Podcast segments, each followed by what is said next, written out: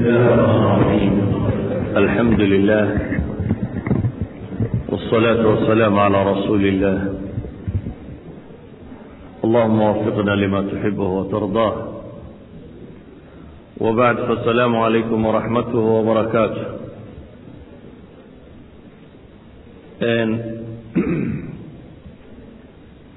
waxaynu horow ciddii joogtay iyo ciddii dhegaysatayba lix muxaadaro oo ku saabsan sidii tataarku ay u baabi'iyeen dhulkii muslimiin iyo saddex dowladood oo waaweyn oo dowladihii muslimiinta ka mid ahaa.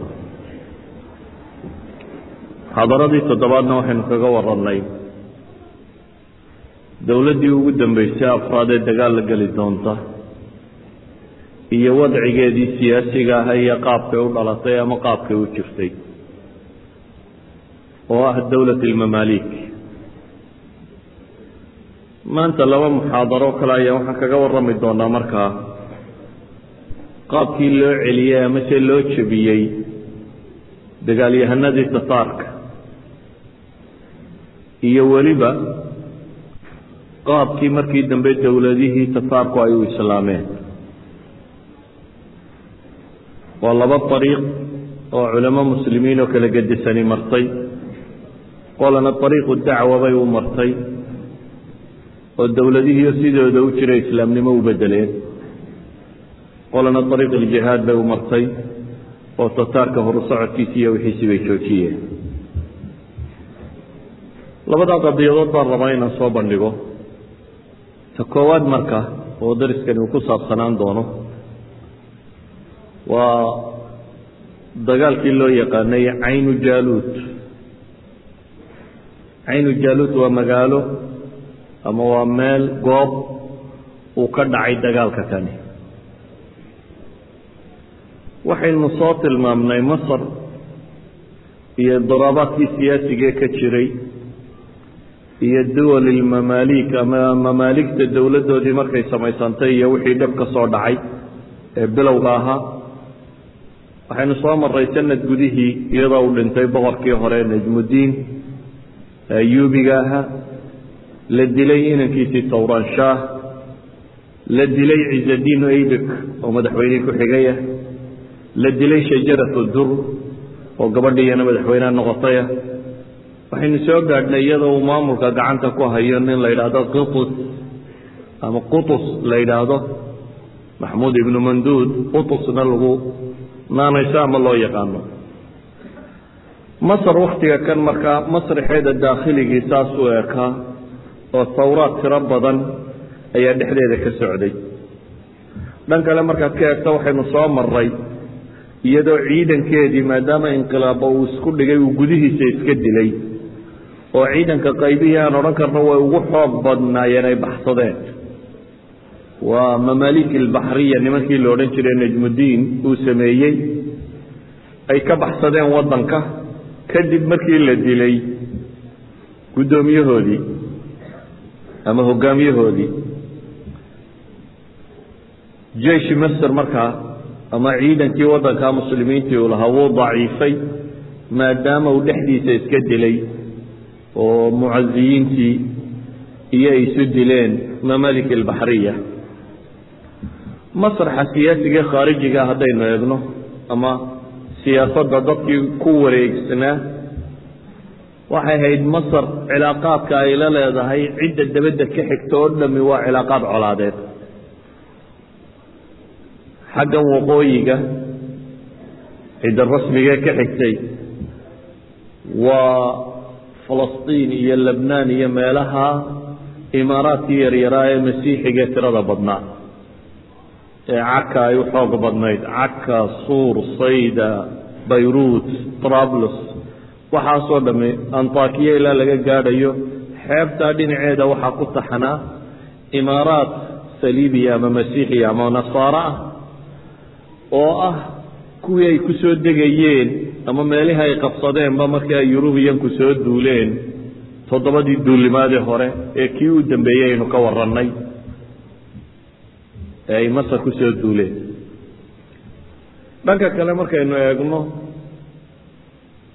waktiga kan duwalkii ayuubiga ahaa ee ka jiray sham laftoodu colaad bay u qaadeen nimankan mamaaligtae qabsaday waddanka kan oo waxaynu sheegnay dhowr goor inay ku soo duuleen.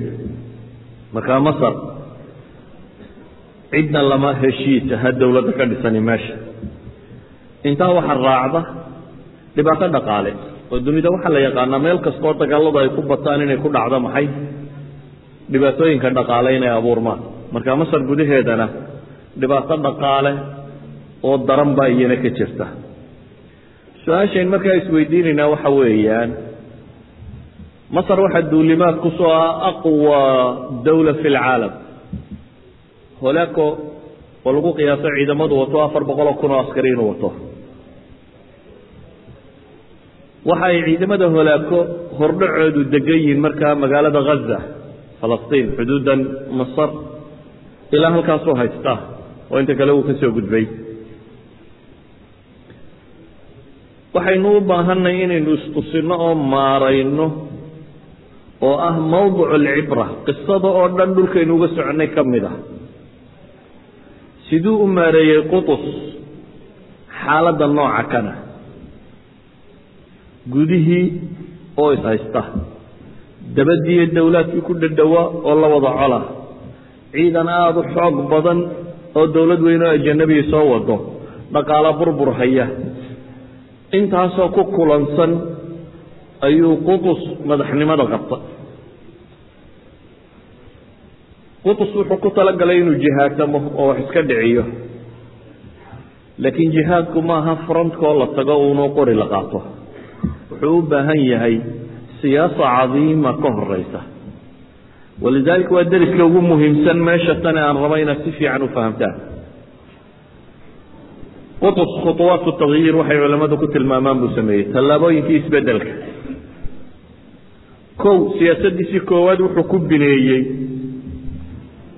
waddankan dadka degan inuu midayn karo.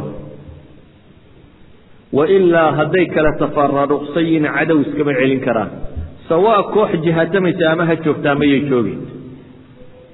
Waddankan muslimiinta ah ee masar ah haddii siyaasiyiinteeda iyo ciidamadeeda iyo dadkeedu ay ishayaan iyaga gudahooda iyagu ay col yihiin oo isdilayaan oo aan soo sheegnay madaxdoodii inay intaa laayeen inuu intaasoo ninoo madaxii inqilaab ku dhintay fawran shah ciizadiin aybek maxaa la yidhahdaa shajarati dur maxaa la yidhahdaa janankii ciidanka haystay farisudiin aqtaay waxaasoo nina wac iyo dumarba waxaynu sheegnay in dil ay muteen. Isagu markaasi wiilkii yaraa meesha ka inqilaabay oo qabsaday inuu dagaal galo aqwa dawla fi lcaalamna inuu iska dhiciyo taasi waxay keensatay markaas inuu siyaasaadkiisa o dhan dib ugu noqdo. Awalan wuxuu ka bilaabay istiqraar ilwadci daakhili waddanka gudihiisa sidee siyaasadiisa loo sugi karaa? Wuxuu isugu yeedhay waddanka umaradiisii iyo qaadadiisii caskariga ahayd iyo dadkiisii waayeelka ahaa iyo culamadiisiibuu isugu yeedhay. Waa waddanka wixii madax ahaa ee telinayey ayuu shir isugu yeedhay dabeetana qitus wuxuu kala wara kala hadlay qadiyadda tan wuxuu ku yidhi markuu soo ururiyey innii maa qasadtu ilaa an najtamica calaa qitaali tataar waxaan idiin sheegayaa buu leeyahay dadyawiina kan madaxda iyo waayeelka ahi. Wiilkanaan meesha ka riixee inqilaabay ee aan qabsaday dan kale kama lihi ilaa iyo inaynu u midowno tataarka inaan iska dhicinno mooyaane. waxaanan ogahay buu leeyahay dowladnimo inan yaroo caruuri haystaa inaanay wax dhicin karaynin. walidaalik haddi ay ila midowdaan oo aynu ku midowno inaynu tataarka iska celinno waxaan ballan idiin qaadayaa sultadu inay halkaa iga taallo oo ciddii idinka aad doontaan maamulkaa u dhiibataan.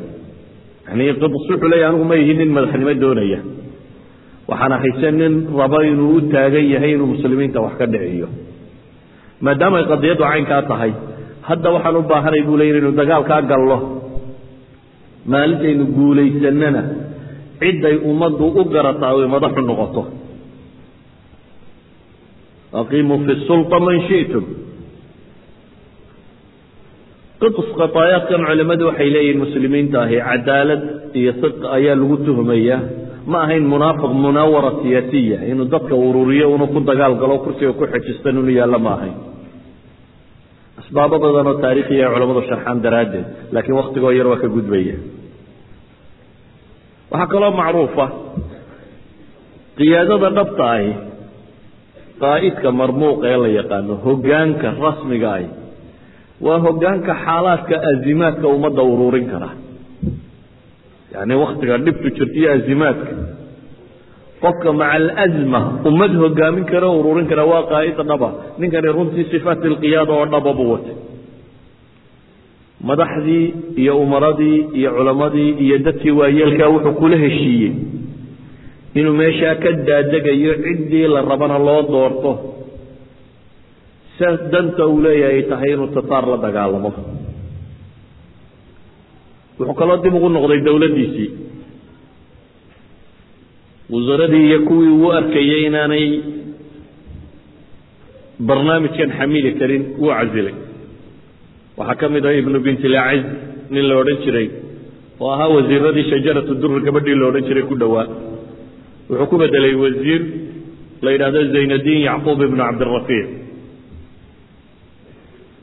Wuxuu ogolaaday raggii mamaaliki ilbaxriya ay sahayeen nin ka mid ah inuu ciidamada u daayo aanu ka bedelin. Waa nin isagana la ydhaha farasidiin aqtay asagiir alkabiir waa kii la dilay isku magac laakiin waa nin kale oo labaad. Siyaadadii ciidanka inuu hogaamiyo. Bacdi ru'uusi alfitan ama nimankii madaxda ahae inqilaabada wadooday qaybo ka midana wuu xidhay. Qodob labaad buu sameeyey uu dagaalkan ugu diyaar garoobayo. Qodobka labaad ee uu dagaalkan ugu diyaar garoobaya waxa weeyaan alcafwi alxaqiiqiy. Inuu yidhaahdo ummaddu hayse saamaxdo. Waa rag isdilay siyaasad isku dilay madax badan kala khaarajiyey dhibi kala gaadhay kala baxsaday. Oo ciidanka masar ragga ugu khibradda badan leh ugu xooga badan leh waxaa ka mid ahaa ciidankii uu sameeyey najmudiin ayub ee almamaaliki albaxriya ciidankaas janankii haystay waa kan la dilay. Qutus wuxuu ka tirsan yahay koox kale oo mucizey kooxdii uu sameeyey cizadiin aybik. Ciidankaasi raggiisii ninkii ugu khibradda badnaa baan odhan karnaa ee waktigaa noolaa bebrus ninkii la odhan jiray wuu baxsaday dimashik buu tegey naasir yuusuf buu la joogaa qolyo badan oo ciidanka ka midi waa kuwii yaacay ee boqorkii cabaasiyiintu dhexdhexaadiyey ee la yidhi khaze iyo agagaarkeeda iyo meelaha falastiin ha degaan. Badh waddanka dhexdiisay iska joogaan laakiin waa ragga ay ragga colloobeen ee aan waxba gacanta ku haynin. Qatus markaa wuxuu yidhi waxaan rabaa ciidankii mamaaliki albaxriya dhammaantii inuu dib u soo noqdaa. Ciidankaasi inuu dib u soo noqdaa khatar wuxuu ku yahay kursiga qutus bale xaqiiqo taariikhiya haddaan sheego iyagaa dilay akhirkii. Pepres laftiisaa dilay iyo koox watay. Laakiin qutus inay khatar isaga iyo dawladdiisa iyo naftiisu gasho iyo in muslimku khatar galo wuxuu qaatay intiisu khatar gasho oo muslimku uu badbaado.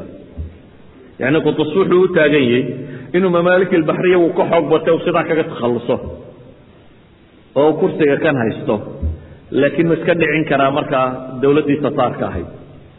Wuxuu ka door biday in isaga kursigan uu khatar galo bal ee uu aqbalay inuu kaba tanaasulo haddii ay muslimiintu isku raacday inuu tanaasulo wuxuu aqbalay inuu tanaasulo isaga iyo kursigiisuba inay khatar galaan laakiin faa'iidadu ay maxay tahay? Faa'iidadu ay tahay muslimku sidii uu guulaysan lahaa. Saa daraaddeed kafaa'aadkii caskariga ahaa jananadii iyo raggii ciidanka ka tirsanaya askartii mutamarisiinta ahayd qaadadii kuliyaat ilxarbi ka soo baxday ee ishayeen ayuu yidhi dhammaantiin dib u soo noqda waa laydin cafiyey waa niman khatara nimankaa uu soo celiyey laakiin waa nimankii louisa taasic boqorkii faransiiska iyo ciidankiisa toddobada boqol ee safiine u watay waa nimankii ciidanka intay dabar gooyeen maca boqorka soo qabtay. Waa rag aan looga maarmin dagaalka tataar saa daraaddeed kursiga khatar ha gala buu qaata alcafwu cinda almaqdira bay culammadu yidhahdaan waa ammaan. Isagoo kursiga fadhiya oo ka xoog batay ayuu aqbalay dhammaantood inay soo noqdaan. Weliba waxa uu garanayey nimanka kani waxay ku kala firdhadeen waxaa la yidhahdaa qaarkood salaajiqat ruum bay u tageen. Turkiya qaar galeen qaarkood urdun boqorkii turk meesha la yidhahda haystay bay u tageen. Qaar dimashik bay joogeen. Wixiiba dib bay u soo noqdeen. Bale madaxdoodii uu si fiican u soo dhoweeyey. Si uu dagaalkaa ugu diyaar garoobo. Alqaa'id bebros ruknudiin bebros ninkii la odhan jiray oo isagu waa nin muslima iimaan badanina ku jiro dagaalyahana waayeel khabiir ku ah dagaalka ah dagaaladii qudus lagu xoreeyey raggii ka soo qayb galaya ee najmudiin iyo wakhtiguu qudus xoreynaya waa jananadii ciidamada hogaaminayey waa labadii janan ee louis iyo ciidankiisii jebiyey waa nin khabiira marka kan kana da-weyn qutus iyo qolada tan oo dhan. Wuu u yeedhay weliba waa ninkii dimishik naasir yuusuf markii ay ku soo socday hoolaakiya ciidankiisii lahaa waraan dagaal galla yidhaahdeen waynu baxaynaa markuu baxsadeen? Ayuu iskaga hadhay isagu. Keligii ma waajihi karo. Firdhadkii falastiin buu isna iska galay. Xaggana masar raggiisii waa la laynaya waa ishayaan masarna wuu ku soo dhiiran kari waayey. Isagoo falastiin dhex wareegaya ayuu qudus fariin u diray. Uu leeyahay soo gal masar. Adigoo sharfoon waynu dagaal gelaynaa oo waxaynu iska celinaynaa tataarkee weliba markuu masar yimi wuxuu u ogolaaday iqطaac mantaqati qalyubi iyo qurada tuulooyin ku xigta waxaasoo dhan buu siiyey. Wuxuu ka dhigay amiir min alumaraa ninka ishayaane firdhadkaa caynkaasi uu soo celiyey amiir min alumaraa'i alkibaar ayuu ka dhigay. Bibrisna. Waa nin waayeeleh dagaalyahana oo kafa'a khitaaliya caskarinimo leh waa nin dakaa leh very intelligent ah takhdiidaadka caskariga ragga looga dambeeya ka mid ah. Waa nin hadduu yimaadana mamaaliki ilbaxri oo dham ay ku soo hiranayso yacni waa janan laga dambeeyo. Waa soo noqday isna qutus waxay u muuqataa inuu yahay nin ogol khatarta naftiisa marka koowaad laba. Had iyo goor dadka madaxda ahi ma jecla nin kaloo waddanka ama ummadda dhexdeeda magac iyo maamuus ku le inuu dhinaciisa taagnaado. Waayo dadka madaxdii waxay jecel yihiin inuu alwaxiid noqdo. Ama urur yar ha haysto ama dawlad ha haysto ama kan ha haysto in laga garab hadlo ma jecla. Waa afraad yar dadka aqbala in qaada ay ummadda ku dhex jirto aan isaga ahayn waa dad yar. Walaa ururo islaamiya ha noqdaan walaa ururo kale ha noqdaan. Madaxdu waxaad moodaa inay cadaadiyaan inay soo baxaan quwa kale. Qutus waa tiraadka aqbalay buu ka mid yahay markaasi. Dad la loolami kara ama magac iyo maamuus ummadda kule inay ka dhex muuqdaan. Walidalika ayuha alikhwa waa inaad garataan.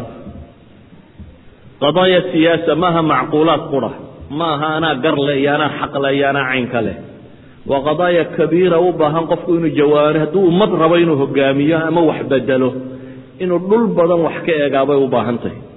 Inuu qiimeeyo shararka siduu u kala dooranayo mar baan khayrba meesha ool inaad shar dooranaysaa siduu shararka u kala dooranayo waa yeel garan kara waa inuu noqdaa. Waa inuu noqdaa qof laa ballaadhan oo dadka cafiyi kara beraa lay dilay ama beraa nala dhacay ama beraa kooxdayada laga soo horjeestay ama beraa kooxdayada lacay ama beraa kooxdayada lala dagaalamay. Dabeeta dadka la heshiin mayno wax dad lagu hogaamiye maaha. Walidaalika qutus wuxuu qaatay bulshadii muslimiinta ahayd ee masar deganayd iyo wixii raacaba bishaakilaadkooda kala gedisan iyagoo wata inuu mideeyo. Qutus marka kan haddana wuxuu baxay qadiyo saddexaad baa la yidhaahdaa oo ah asiyaasa alkharijiya siyaasa alkharijiya qayb waa muslimiin. Intii aan weli la qabsan sham oo kale nimankii ayuubiyiinta joogay. Qaybna waa masiixiyiin imaaraadkaasi xeebaha ku taxan jooga. Ayuubiyiinta sham jooga waa nimankii locolka ahaa dowla almamaalik ee u arkayey towraan shaah iyo inay dileen ee intaasoo duulimaad ku soo qaaday.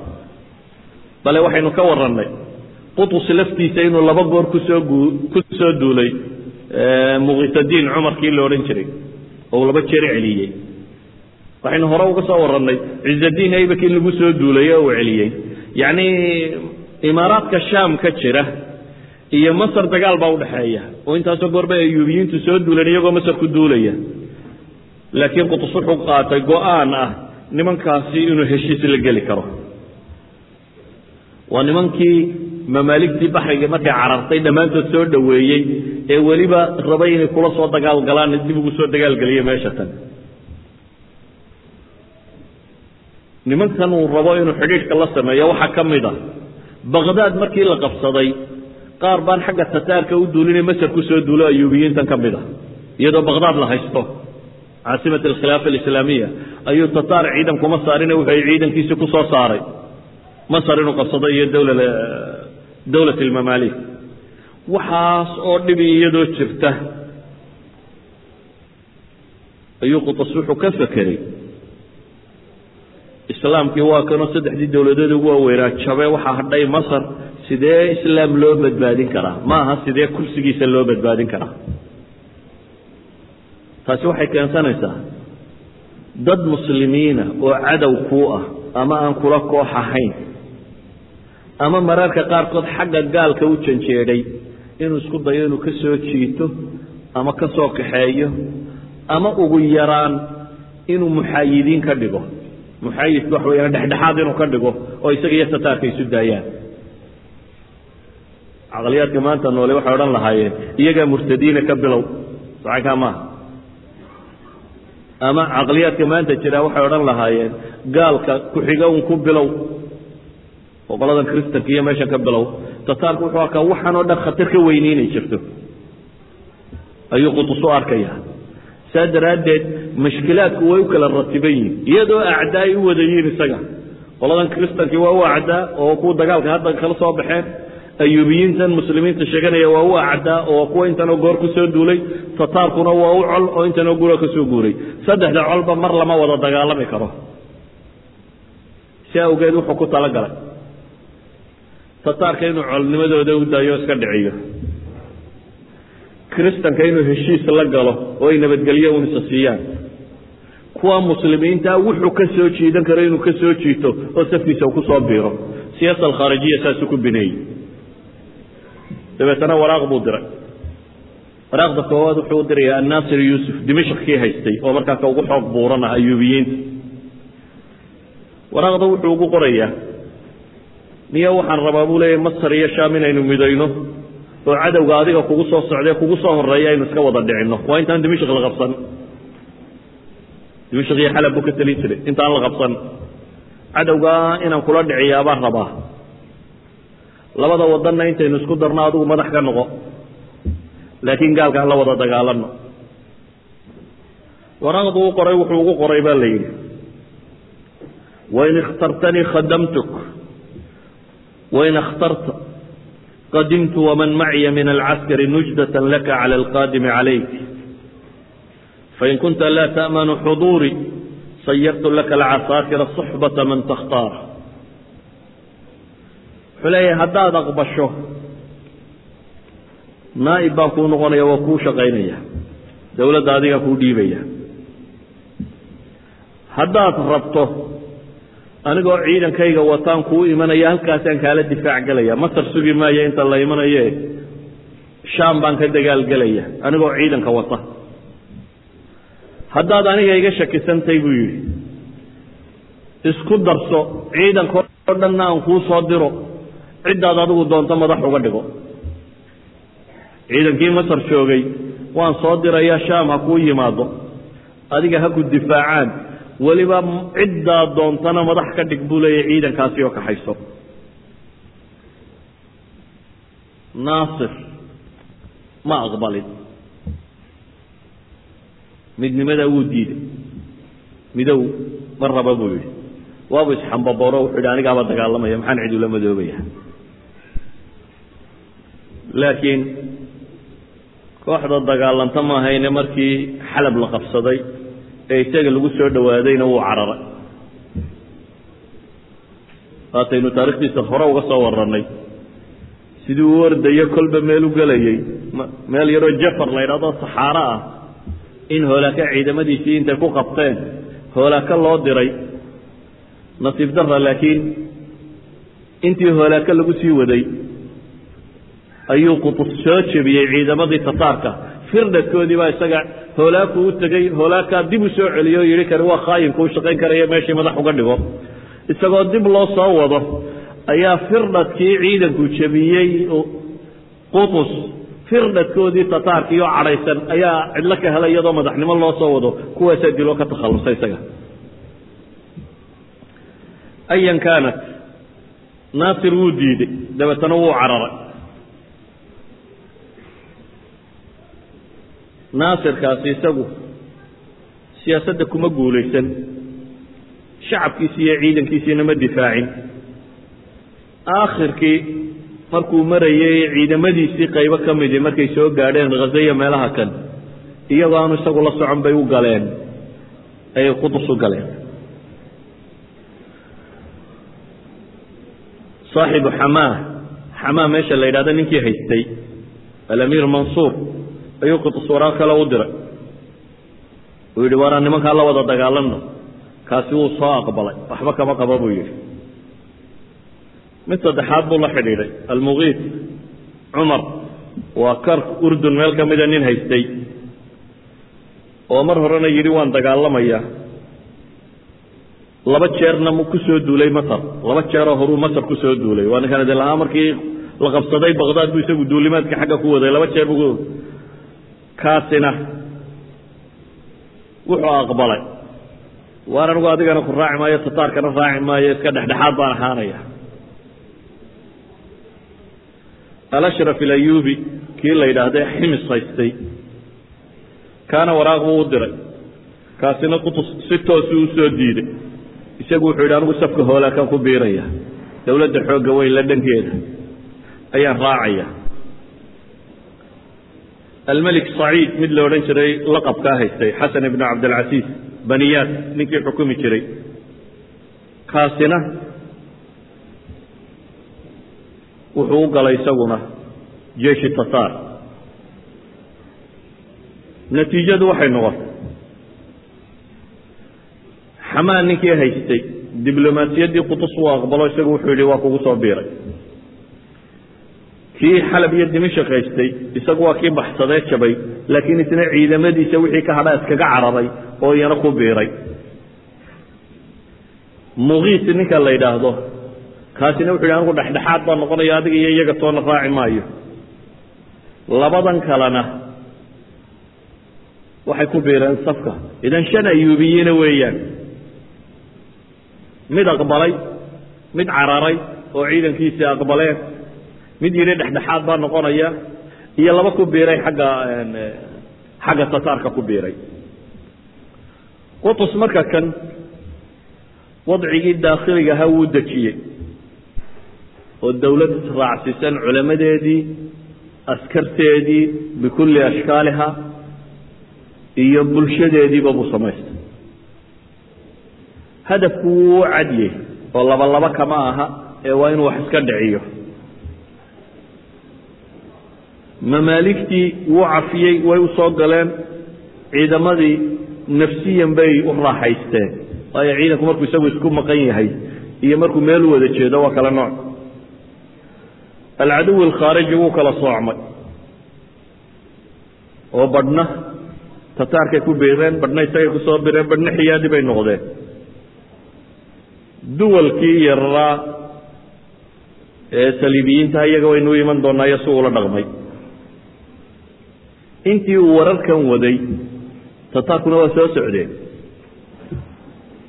Shaam oo dhan way soo liqeen marka. Iyana markaa xuduudda masar bay marayaan hazay marayaan. Haza ayuu tataarkuna soo gaaray.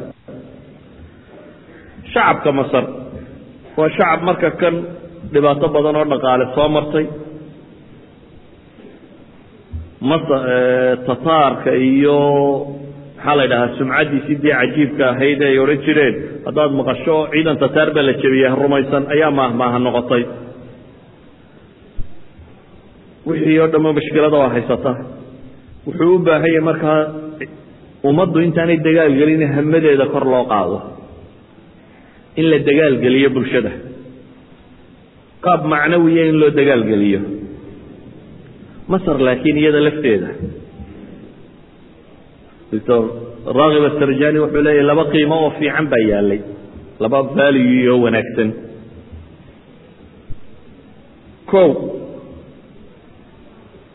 madhab sunniya baa marka kan biyo dhigay. Oo dee wakti yar ka hor salaaxaddiin alayubi ka hor dee dowla alfaatimiya shiico raafidiyiin oo aada u liita ayaa maamulayay waddanka salaaxaddiin alayubi waa ka qabsaday marka kan culammadii muslimiintu ku soo keenay meesha madhab sunniya si fiican u faafay.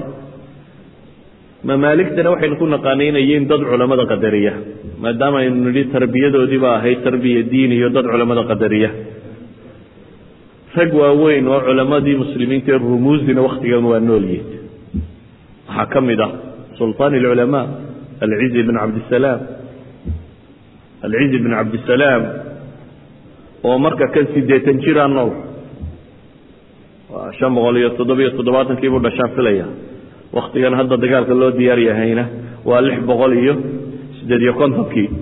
Alcizi bn cabdisalaam markaa koob iyo siddeetan sano meelahaasaa da-diisu maraysa.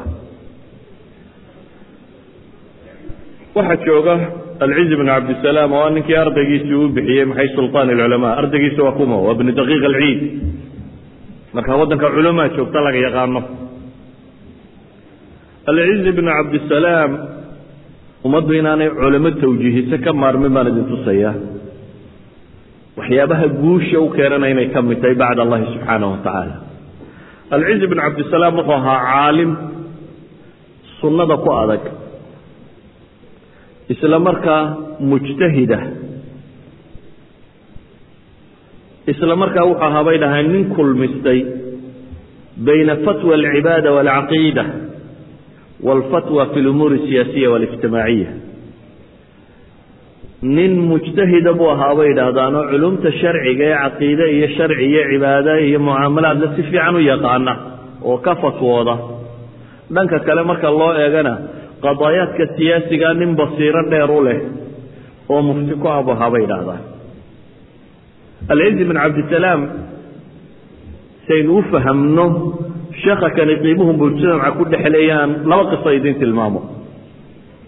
O cisi bn cabdisalaam masar uma dhalan reer masar maaha waa nin reer dimishq ah. Dimishq buu ku koray. Dimishq buu wuxuu joogay khatiibka jimceed ahaa qaadiga muslimiinta ahaa muftiga dowladda ahaa. Laakiin asaalix ismaaciil alayubi nin la odhan jiro dowla ayubiya ka tirsan ayaa wuxuu qaatay go'aan ah najmudiin ayubigii masar haystay mamaaligta ka horreeyey ninkii mamaaligta sameeyey inuu ku duulo. Dabeetana wuxuu aqbalay inuu taxaaluf samaysto qolo kristana inuu kaxaysto isaga iyo gaaladu inta israacaan inay ku wada duulaan masar. Bishar gaaladu maxay ku raacaysaa? Labada magaalo sayda iyo shaqiiq la yidhahdaan idin siinayaa buu leeyahy labadaa magaalo idinku qaata hadday igula duushaan masar waxaanan aqbalayaa hubkana in laydinka iibiyo. Hubka in laydinka iibiya macnay samaynaysaa? Ma garanayo? Saa u fahmi kartaan. Waktigaa hore addawla alislaamiya baa sanaacaadka dunida hogaaminaysay. Marka iyagay ahaayeen dadka hubka rasmiga ee fiican samayn jiray. Marka wuxuu leeyahay waxaan kaloo ogolahay muslimiintu inay hubka idinka iibiso oo aynu ku wada duullo qoladaas.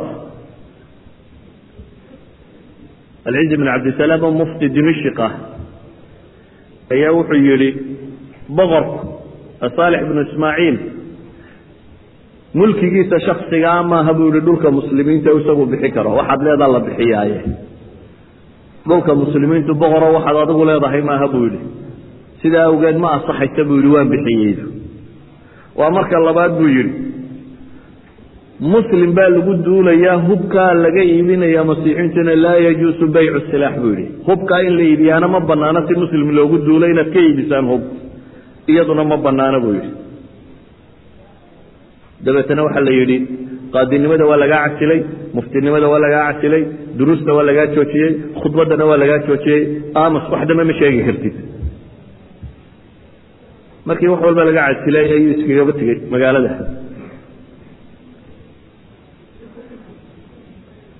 way xidheen. Mudduu xidhnaa xabsigii markii uu ka soo baxay oo wax walba loo diidayna uu iskaga tegey bayt ulmaqdis buu qabtay.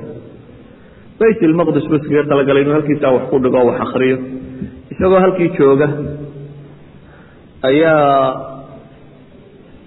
ismaaciilkii asaalex ismaaciil alayubi iyo qoladii kiristanka oo wada socoto duulimaadkii iyo aqudu soo maray sheekhiina wuxuu joogaa bayt almaqdis dabeetana ninkani waa nin sumco iyo bulshada magac ku leh. Weli wuxuu rabaa inuu muslaxdo sheekha. Nin buu u diray. Wuxuu yihi waxaad ku tidhaahdaa? Fariintaa gaadhsii nin baa u yimi sheekhiyo meeshiisa iska joogo wuxuu ku yidhi sheekh in wixii aada mansab haysato dhan lagugu soo celiyo qaadinimadii iyo madaxnimadii iyo muftinimadii iyo khitaab wixii oo dhan inaad hesho iyo waziyaada weliba dheeraadba lagugu daro. Waxa kaa xiga uun inaad suldaanka u yaro cudur daaratid. Suldaanka u tagoo tankasir leh u yaro cudur daaro. Oo gacantuun ka dhunka buu yidhi intaa u samee suldaanka intaa u tagto salaam dheh? Khalaas arrimuhu dhegdheg bay noqonayaan wax waliba way dhammaanayaan alciz bn cabdisalaam wuxuu ku jawaabay wallahi ya miskiin ma ardaahu an yaqbila yadii fadlan an aqbila yadah ya qowm antum fii waad wa ana fii waad. Walxamdu lilahi aladii caafaanii mima ibtalaakum bih wuxuu ku yidhi miskiin yahow inuu aniga gacantayda dhunkado raalli kama ihi tiisa daa ina dhunkadee adu waxa le kaale boqorka soo dhunkee isagu inuu yimaado aniga dhunkado maan rabo buu ku yidhi ee waxaan kuu sheegayaa buu yidhi idina dhan baa u socotaan. Anna dhan kalean u isku webi ma haysana buu le isku dooxo isku waddo ma hayno. Idinkuna waddaa haystaan aniguna waddo kale ayaan haystaaye. Ilaahay baan mahadinaya waxa idinkaa uu idinku ibtilay aniga iga caafimaad yeelay. Dee adduun baa aakhira siisateene ilaahay intuu waxaa idinku idinka idinku ibtilay aniga iga caafimaad yeelay baan.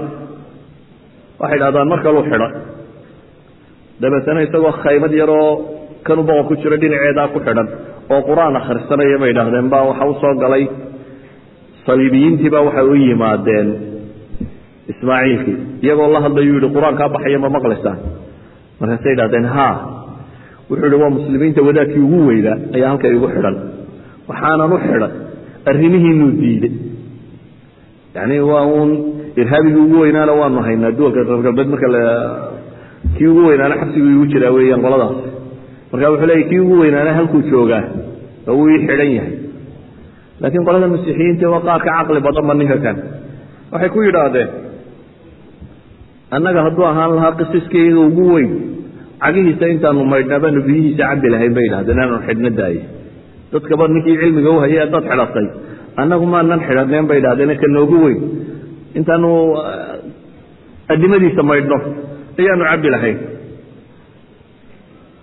nasiib wanaagse.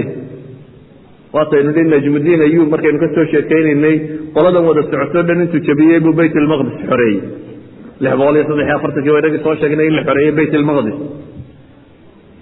meesha dadkii lagu xoreeyey buu ka mid ahaa sheekhu markaa wuu kaxeeyey.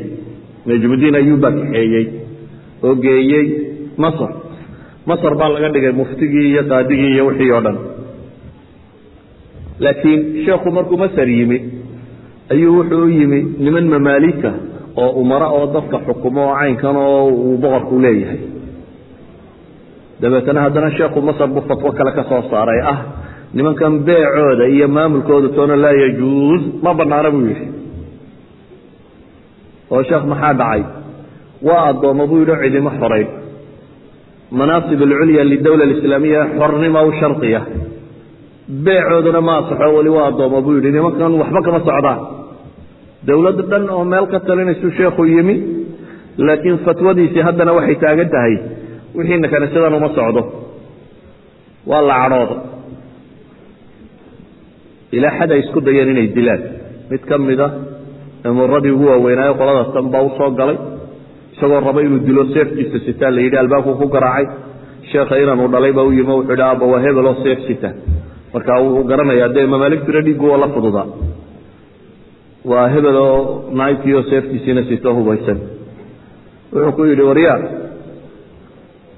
aabbahaa in ilaahay dartii loo dilo wuu ka liitaaye. Kafur albaabka soo daa buu ku yidhi. Yani hadday shahaada fii sabiili illah anuu dhimanayo waxaasi dhib maha buu yidhi soo daa. Wuu u soo galay markuu u soo galay sheekhubu haddana dib u baqa. Sheekh maxaa taa noogu samayso? War kaluu bilaabay. Sheekuna wuxuu istaagay halkiisii haddaad rabtaan saasumaa la yeelaya. Boqorkii gaadhay boqorkiina wuu cadhooday. Sheekii uu baytulquds isagoo maxbuuska kaa ka soo daaya caynkaasa haddana fataawidan bixinaya. Boqorka laftiisa uu ka cadhooday. Markii la cadhooday ciizadiin ibnu cabdisalaam wax kale ma samaynin. Wuxuu yidhi caynkaa markay haa khalaas qaadinimada iyo muftinimada iyo maamulka iyo wixii noo dhan qaata mar haddaan la ogolayn mabaadi diina intaan sheegay inay faafto. Waan iska tegayaa. Dameer uu haystay buu fuulay. Reerkiisiina dameer kaluu saaray. Magaaladana uu iskaga baxo tuulu isaga baxay. Wadaadku adduun laba dameer buu ka wataa. Laakiin masar oo dhan baa ka daba dhaqaaqaday alcizi bin cabdisalaam magaalada hadduu ka baxa baa la yidhi yaa joogaya tujaartii culamadii dadkii wixiiba waa la dabagalay. Boqorkii baa war loo geeyo waxa la yidhi magaaladii waa gilgilantay sheekhiina safar. Yani culamada dadku culamadooda way qiimeynayeen oo agteeda culamada magac ku lahayd. Walidalik baa sheekhu wax ma dilin wax ma maagin waxba kalama samaynin. Mujarad waanu iscasilay waanu iska tegey. Laakiin magaaladii dhammayd baa daba gashay boqorkii wuxuu arkay in qadiyadiisuba ay khatar ku jirto isna wuu ka daba tegey boqorkiibuu wuxuu tegey alcizi bn cabdisalaam baa loo tegey sheekh soo noqo baa la yidhi. Wuxuu ihi soo noqon maayo fatwadaasoo a fulisaan mooyaane oo maxaa see loo fulinayaa? Nimankani waa addoomo waa la iibinayaa suuqaan geynaya waa la iibinayaa. Marka la iibiyo ragga iibsada ha xoreeyaan. Markay xoroobaan hadday doonayaan maamul u dhiibo markaa adugu. Madax ka dhigo waa madaxdii dawladdu iibinaya. Halkaasuu taaganya isagu. Anugu nimankaa madaxdaa waan iibinayaa buu leeyahy haddii aad aqbalayso sidaana waan soo noqonaya haddii kalena. Oo saad odhanaysaa baa la yidhi lacagtooda. Lacagtooda baytulmaalkan ku shubaya buu yidhi waan iibinayaa dabeetana muslimiinta ku bixinayaa danahooda guud. Waxay noqotay dawladdu inay khalkhal gasho iyo in la aqbalo fatwada alcizi bn cabdisalaam.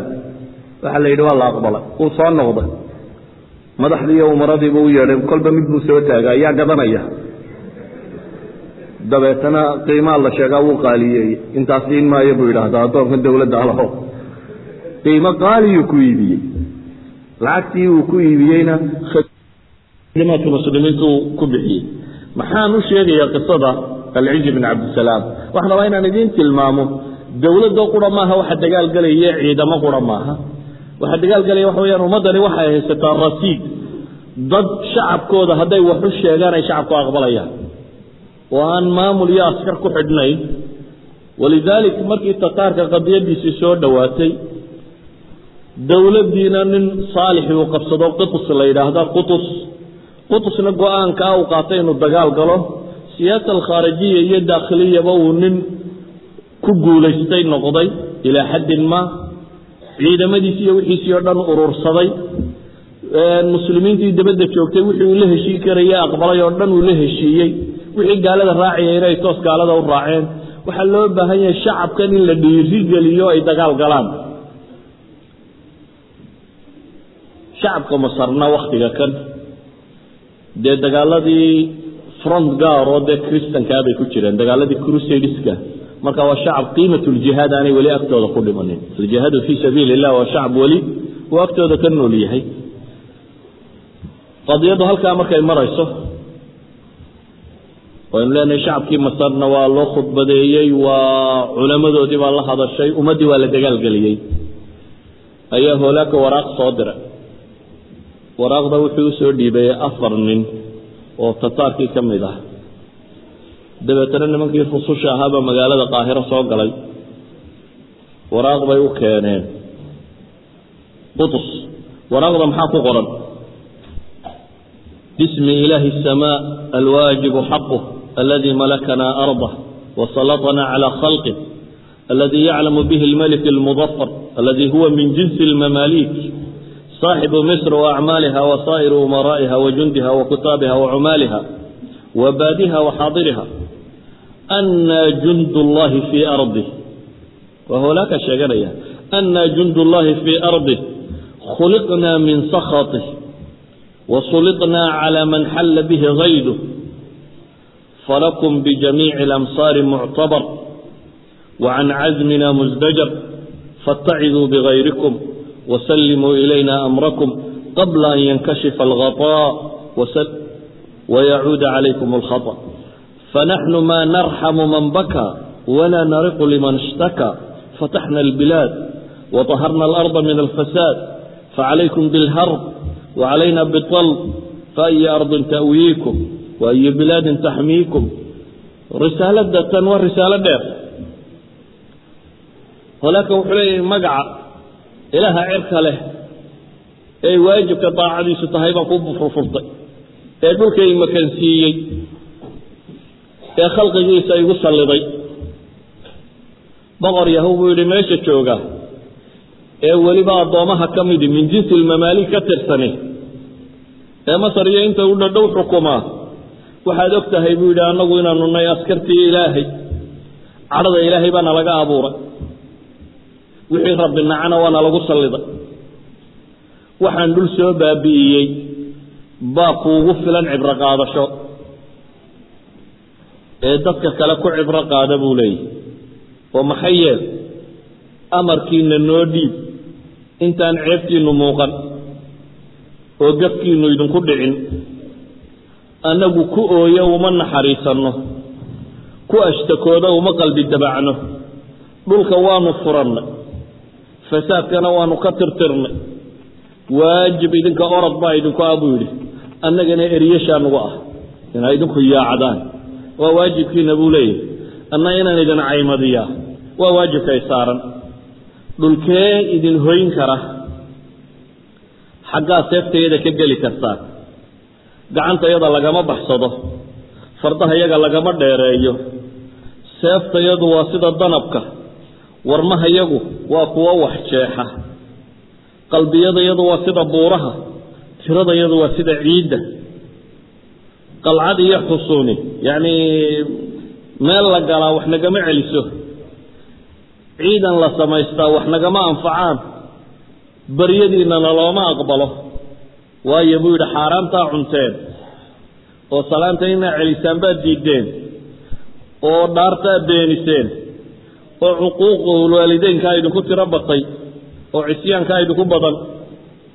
Ku bushaaraysta buu leeyahy dullinimo iyo mahaana markaasuu qur'aanna ku qoray. Meel kasta adiib munaafaqaa jooga. Kuwan waxu soo qoraya. Ee afkan carbeed caynkana soo qoraya waa udaba munaafiqiino tataar ka tirsan. Qur'aan bay soo istidlaanayaandhayso warqada holaaka waxa ku qoran. Falyawma tujzawna cadaaba alhuni bima kuntum tacmaluun wasayaclamu aladiina dalamuu aya munqalabin yanqalibuun. Holaakaa soo qoraya. Maanta buu leeyahay cadaabka wax duleeya ayaa leediin waxaa camal samayseen daraaddeed. Kuwa dulmiga sameeya meeshay u noqon doonaan waa garan doonaan buu yidhi. Walaakin wuxuu leeyahay waqad sabat an naxnu alkafara wa antum alfajara buu yidhi. Waa sugantay buu yidhi annagu inaanu gaalanay idinayna faajiriin tihiin. Waqad sallatanaa calaykum man biyadihi lumuur laakiin waxaa nagu keeni taxaabay buu yidhi. Allaha gacantiisa wax waliba ku jiraan tiro badniduunu annaga agtayda waa wax yar buu yidhi. Sharaftiinuna agtayda waa daliilnimo maa limuluukikum calayna bigayri lmadi dullinimo waxaan ahayn buu leeya aan boqortooyooyinkiina u hayaa ma jirto. Waraaqdan wuxuu ku gebagabeeyey. Falaa tutiilu lkhitaaba wa asricuu radda aljawaab. Warkana ha igu badinina. Jawaabtana dhaqsa u soo dira. War yaroo kooban oo ways dhiibnay una soo dira. Dee wax kala laydinkama sugayo weeyaan saasuu hoolaa ka soo qoray. Waa risaalo aan diblomaasiyada aqoonin. Duwalku markay wada hadlayaan walow daciif iyo kan aada la hadlaysaa. Nooc min maai lwajhi bay u dhowraan. Oo sida dee askartu ama dadka suuqu u wada hadlaan loolama hadlo. Qofka dowlad maamula walow uu daciif iska yahy idinka arkay dowlado yaryaroo intay dowladaha waaweyn u taga danaha labada dowladood baanu ka wada hadalaiyo sidii mustaqbalka loo horumarin lahaa. Waa luga diblomaasiya. Qofka maail wajhi baa loo ilaaliya laakiin hoolaakad xataa taasi kuma jirto. Risaaladiisu waxa weeyaan waa dagaal waxaana weeyaan isdhiiba idinku aan wax shardiya ku xidhin. Wuxuu isugu yeedhay markaa qutus qaadadii iyo umaradii iyo wasaradiisii buu isugu yeedhay wuxuu ihi ciidamo gardaran baa inugu soo socda. Ciidanka gardaranna war naga noqda cidi kuma qancisa buu yidhi. War naga noqda kuma qancaan. Dee waa la qasbaa inay kaa noqdaan. Aniga waxay ugu muuqataa buu leeya inaynu wax iska dhicinno waa khiyaar sacab. Akbar dawla. Saddex dowladoodoo waaweyn oo muslimiina soo liqday min tarkistan sharqiya china laga soo bilaabo muslimkii joogay ilaa iyo hazay marayaan falastiin. Inta ka dhexle wixii muslim joogay way ka soo takhalluseen. Xagga shishe waa nimankii ka takhallusay china iyo kuuriya iyo wax duwal laba iyo toban dowladoodoo yaryaroo meesha ku taxan. Eshiya o dhan bay intay soo liqeen. Ciidanka intaa leeg in laga hortago khiyaarka ah la qaataa khiyaar fudud maaha. Waayo dowlad kuuriya ilaa poland bay ka taliyaan inta udhaxaysa marka kan kuuriya ilaa poland inta udhaxaysay ka taliyaan waa dowlad ka hub badan ka sumcad weyn. Ciidankeedu uu sumcad badan haysto. Ciidamo waaweyn oo muslimiina oo dowla alkhawarzimiya iyo armeniya iyo kurjigi ama georgia iyo dowla alcabaasiya iyo yurub iyo shaam waxaasoo dhan bay liqeen qutus laakiin wuxuu leeyahay waxaan rabaa inaan dagaalamo. Qaadadii iyo ciidamadii inuu qanciyo dagaalkuna ma fududa laakiin muxuu isticmaalay? Waxay idhahdaan laba ariiquu isticmaalay kow. Wuxuu yihi waryaa waa madaxdii cidduu la hadlayaa. War waan dagaalamayaa buu yidhi waan dagaalamayaa markaan idin leeyahayna. Ciidamo diri maayo. Anaa ulqi tataara binafsi anaa tataarka naftayda kala hortegaya. Ma aha dowlad iyo ciidan iyo wax diri maayo buu leeyey ee anigoo caskariya oo dagaalamaya ayaan furantka tegaya.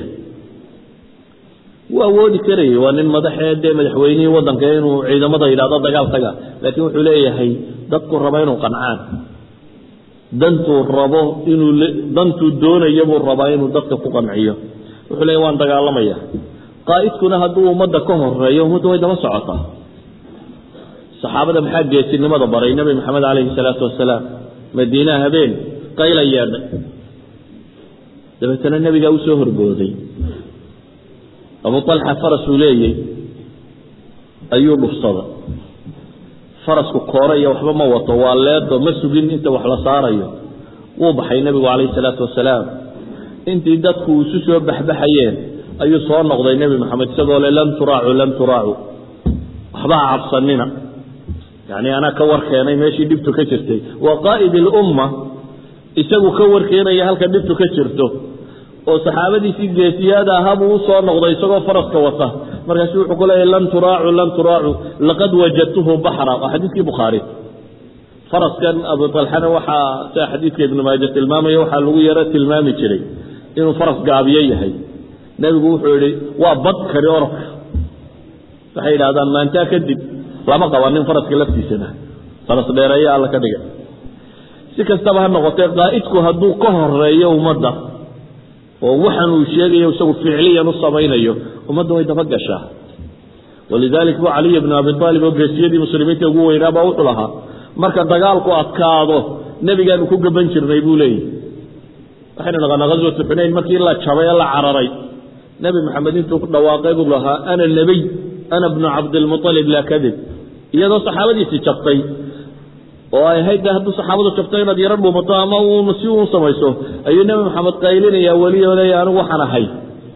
Nebigii alla soo diray in cabdilmualib baan aho been maaha buu nebi maxamed leeya alayhi salaatu wasalaam. Qutus wuxuu rabaa markaa atarbiya bilqudwa jananadiisa iyo ciidamadiisa inuu tusiyo inay shahaadadu wax la doonto tahay. Inaanay noloshu wax laysku adkeeyo ahayn markay u baahan tahay inuu qofka muslimka horu maro walidaalika bu wuxuu ku yidhi waan dagaal gelayaa. Waa markii koowaad. Shay labaad buu u sheegay oo wuu wacdiyey.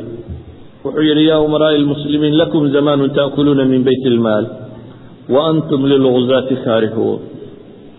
Waar madaxdii muslimiintaah waar in badan baa xoolihii dowladda muslimiinta cunayseen buu leeyihi maantana dagaalkaa soo nacnacaysaan anigu waan baxayaa ee ninkii raba inuu dagaalamo iraac ninkii aan rabinowna waan ku fasaxaye iska hadh buu leeyahy laakiin waxaad ogsoonaataa dembigaaga iyo dembiga dumarka muslimiinta iyo ummadda muslimiinta inay adiga luguntaadatay ninka hadhayo. Khudbadaasuu u jeediyey. Khudbadiisu waa laba shay. Shay waxa weeyaan anaa dagaal gelaya shayga labaadna waxa weeyaan idinma qasbayo wixii raba inay dagaalamaan raaca jihaadka layskuma qasbo. Nebi maxamed marnaba munaafiqiinta ma qasbin. Bale intuu baxaaba iska hadhaan hadhowna weliyo bilay maraano way cudurdaartaano wuu ka aqbalaa bale isagoo sii socdaa kolba ninka daba yimaadaa markaasaa la yidhahdaa nin baa soo socda ilaahu hebel ka dhig buu yidhaahdaa. Yacni dankama lahayn. Munaafiqiintu inay hadhaan. Ilaahayna qur'aanka wuxuu ku tilmaamay hadday idinla baxaan la awdacu khilaalakum. Ilahay wuxuu tilmaamay hadday idin raacaan munaafiqiintu inay u fasaad idinku kordhinayaan iyo mashkilad. Aanay wax wanaaga idiin haynin. Saa daraaddeed nebigu calayhi salaatu wasalaam jihaadkiisu mu ahayn mid dadka la qasbo la ydhaha qasab ku dagaalama. Iyo raaf dad askar lagu qaadaa ma jihaatamaan. Walidaalik khudbad isagoo ooyayu wuxuu ugu gebagabeeyey baa la ydhaahdaa ya umaraaءi اlmuslimiin man lilslaami in lam nakun naxnu madaxdii dowladda muslimiinta ahay yaa islaamka u halgamaya ama difaacaya haddaynan inagu difaacin buu leeyahay kelmaddaasi madaxdiisii way ka oohisay waxaanay qaateen go'aanka inay la dagaal galaan wuxuu isku dayey inay arrintu ka noqnoqosho yeelanin. Wuxuu u yeedhay afartii nin ee warqadda siday. Dabeetana afartaba madaxuu ka jaray. Dabeetana madaxyadoodiibuu albaab ka mida albaabka qaahiro sugan. Culamada qaar waxay idhaahdaan malaal quds masalada muu asiibin? Waayo cinda almuslimiin rususha lama dilo. Dadka ergada ee la soo diro lama dilo. Nebi moxamed calayhi salaatu wasalaam axaadiista ka asaxay. Laba nin ibnu nawaaxa iyo ibnu uthaal laba nin oo la odhan jiru musaylamat ilkadaab soo dirtay. Musaylama nebi baan ahay buu leeyahy dabeetana nebi maxamed buu u soo diray. Laba ergey. Labadii ergey baa nebiga u yimi. Wuxuu ku yidhi nebigu calayhi salaatu wasalaam atashhadaani anii rasuulu اllah waan maqiraysaan inaan ilaahay rasuulkiisii ahay. Waxay idhahdeen nashhadu ana musaylamata rasuulu llah nebi maxamed waa hortaagay waxaanu qiraynaa bay dhahay musaylama inuu ilaahay rasuulkiisii yihi musaylama inuu ilaahay rasuulkiisii yahay baanu qiraynaa nebigu wuxuu ku yidhi calayhi الsalaatu wasalaam aamantu biاllahi warasuulih anigaa rumeeyey ilaah iyo rasuulkiisiiba ee haddaan cid dilayo haddaan rasuul erge lasoo dira haddaan dilayo waan idin dili lahaa buu nebi maxamed ku yidhi calayh isalaatu wasalaam ee agtayada ergada lama dila buu nebigu leeyahy qutus laakiin mahmaa kaan ijtihaadku si kastaba hala maree afartiiba intuu dilay ayuu albaabada suday marka kan qutus mashkiladda ugu weyna haysataa waxa weeyaan waa mashkila iqtisaadiya. Waayo ciidan ballaadhan oo la dagaal geeyo wuxuu u baahan yahay dhaqaale xoogan isaguna meesha gebigeedaba wakti yar buu saaran yahay. Qutus maca intuu dagaalka galay maca intuu guulaystay maca wuxoo dham sanad ma gaadho. Sanad waxlaabuu dhinta markaa qutus madaxba wuxuu yahay dhowr bilood. Wadankiina azma iqtisaadiyana waa ka jirtaa fitan baa ka jiray mashaakil baa ka jiray. Tijaaradii muslimiinta guud ahaanba way istaagto waa kan tataarku barig iyo wixii oo dhan qabsaday. Azmo dhaqaaleed xoogan baa ka jirta.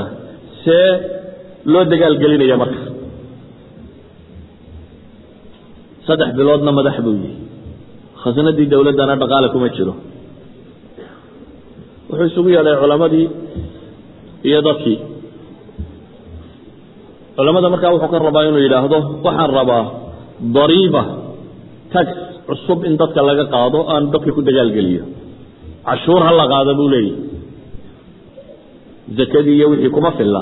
Marka cashuur ha laga qaado dadka waxhaysta si ciidanka loo hubeeyo loo dagaalgeliyo. Laakiin halkan waxaa joogaa nin caalim oo muftiya oo aan qaqallo cumarin. Ibnu cabdisalaam la yidhaahdo. Ibnu cabdisalaam wuxuu yidhi haddii cadow dhulka muslimiinta ku soo duulo waxa waajib ku ah muslimiinta oo dhamme inay la dagaalamaan. Waana bannaan tahay raciyad iyo shacabka in laga qaado wax dagaalka lagu galo oo ka badan zakawaadki iyo wixii laakiin bishardi buu yidhi. Hanti weydiin maayo ilaa shardi la helo. Baytulmaalka khasaanada dowladda waa inaan shilin ku hadhin buu yidhi. Dowladda oo lacag haysato dadka wax laga qaado soconaysa buu yidhi. Khasnada dowladda kow waa inaan shilin ku hadhin. Marka labaad buu yidhi nimankiinan umarada iyo madaxda ah ee nin walba dhulka iyo tuulooyinka dhan loo gooyey ee hubka iyo dahabka iyo qalabka haystaa idinna waa inaad dadka la mid noqotaan aan waxba idinku hadhin haddii madaxda dowladdu hantideeda keento khasnada dowladda waxa ku jirana la keeno. Markaasaan fatwoonayaa buu leeya in dadkana xoolaa laga qaado. Iyana waa fatwo kaloo adag. Oo umaradii hadda lagu soo qanciyey war dagaal gala. Xoole waxa idinku haysateenna geeshka siiya iyada lafteedu ma fududa. Laakiin alciz bnu cabdisalaam go'aankiisu waa kaa waa xaaraan buu leeyahy shacabka xoolahooda la qaato iyadoo aanay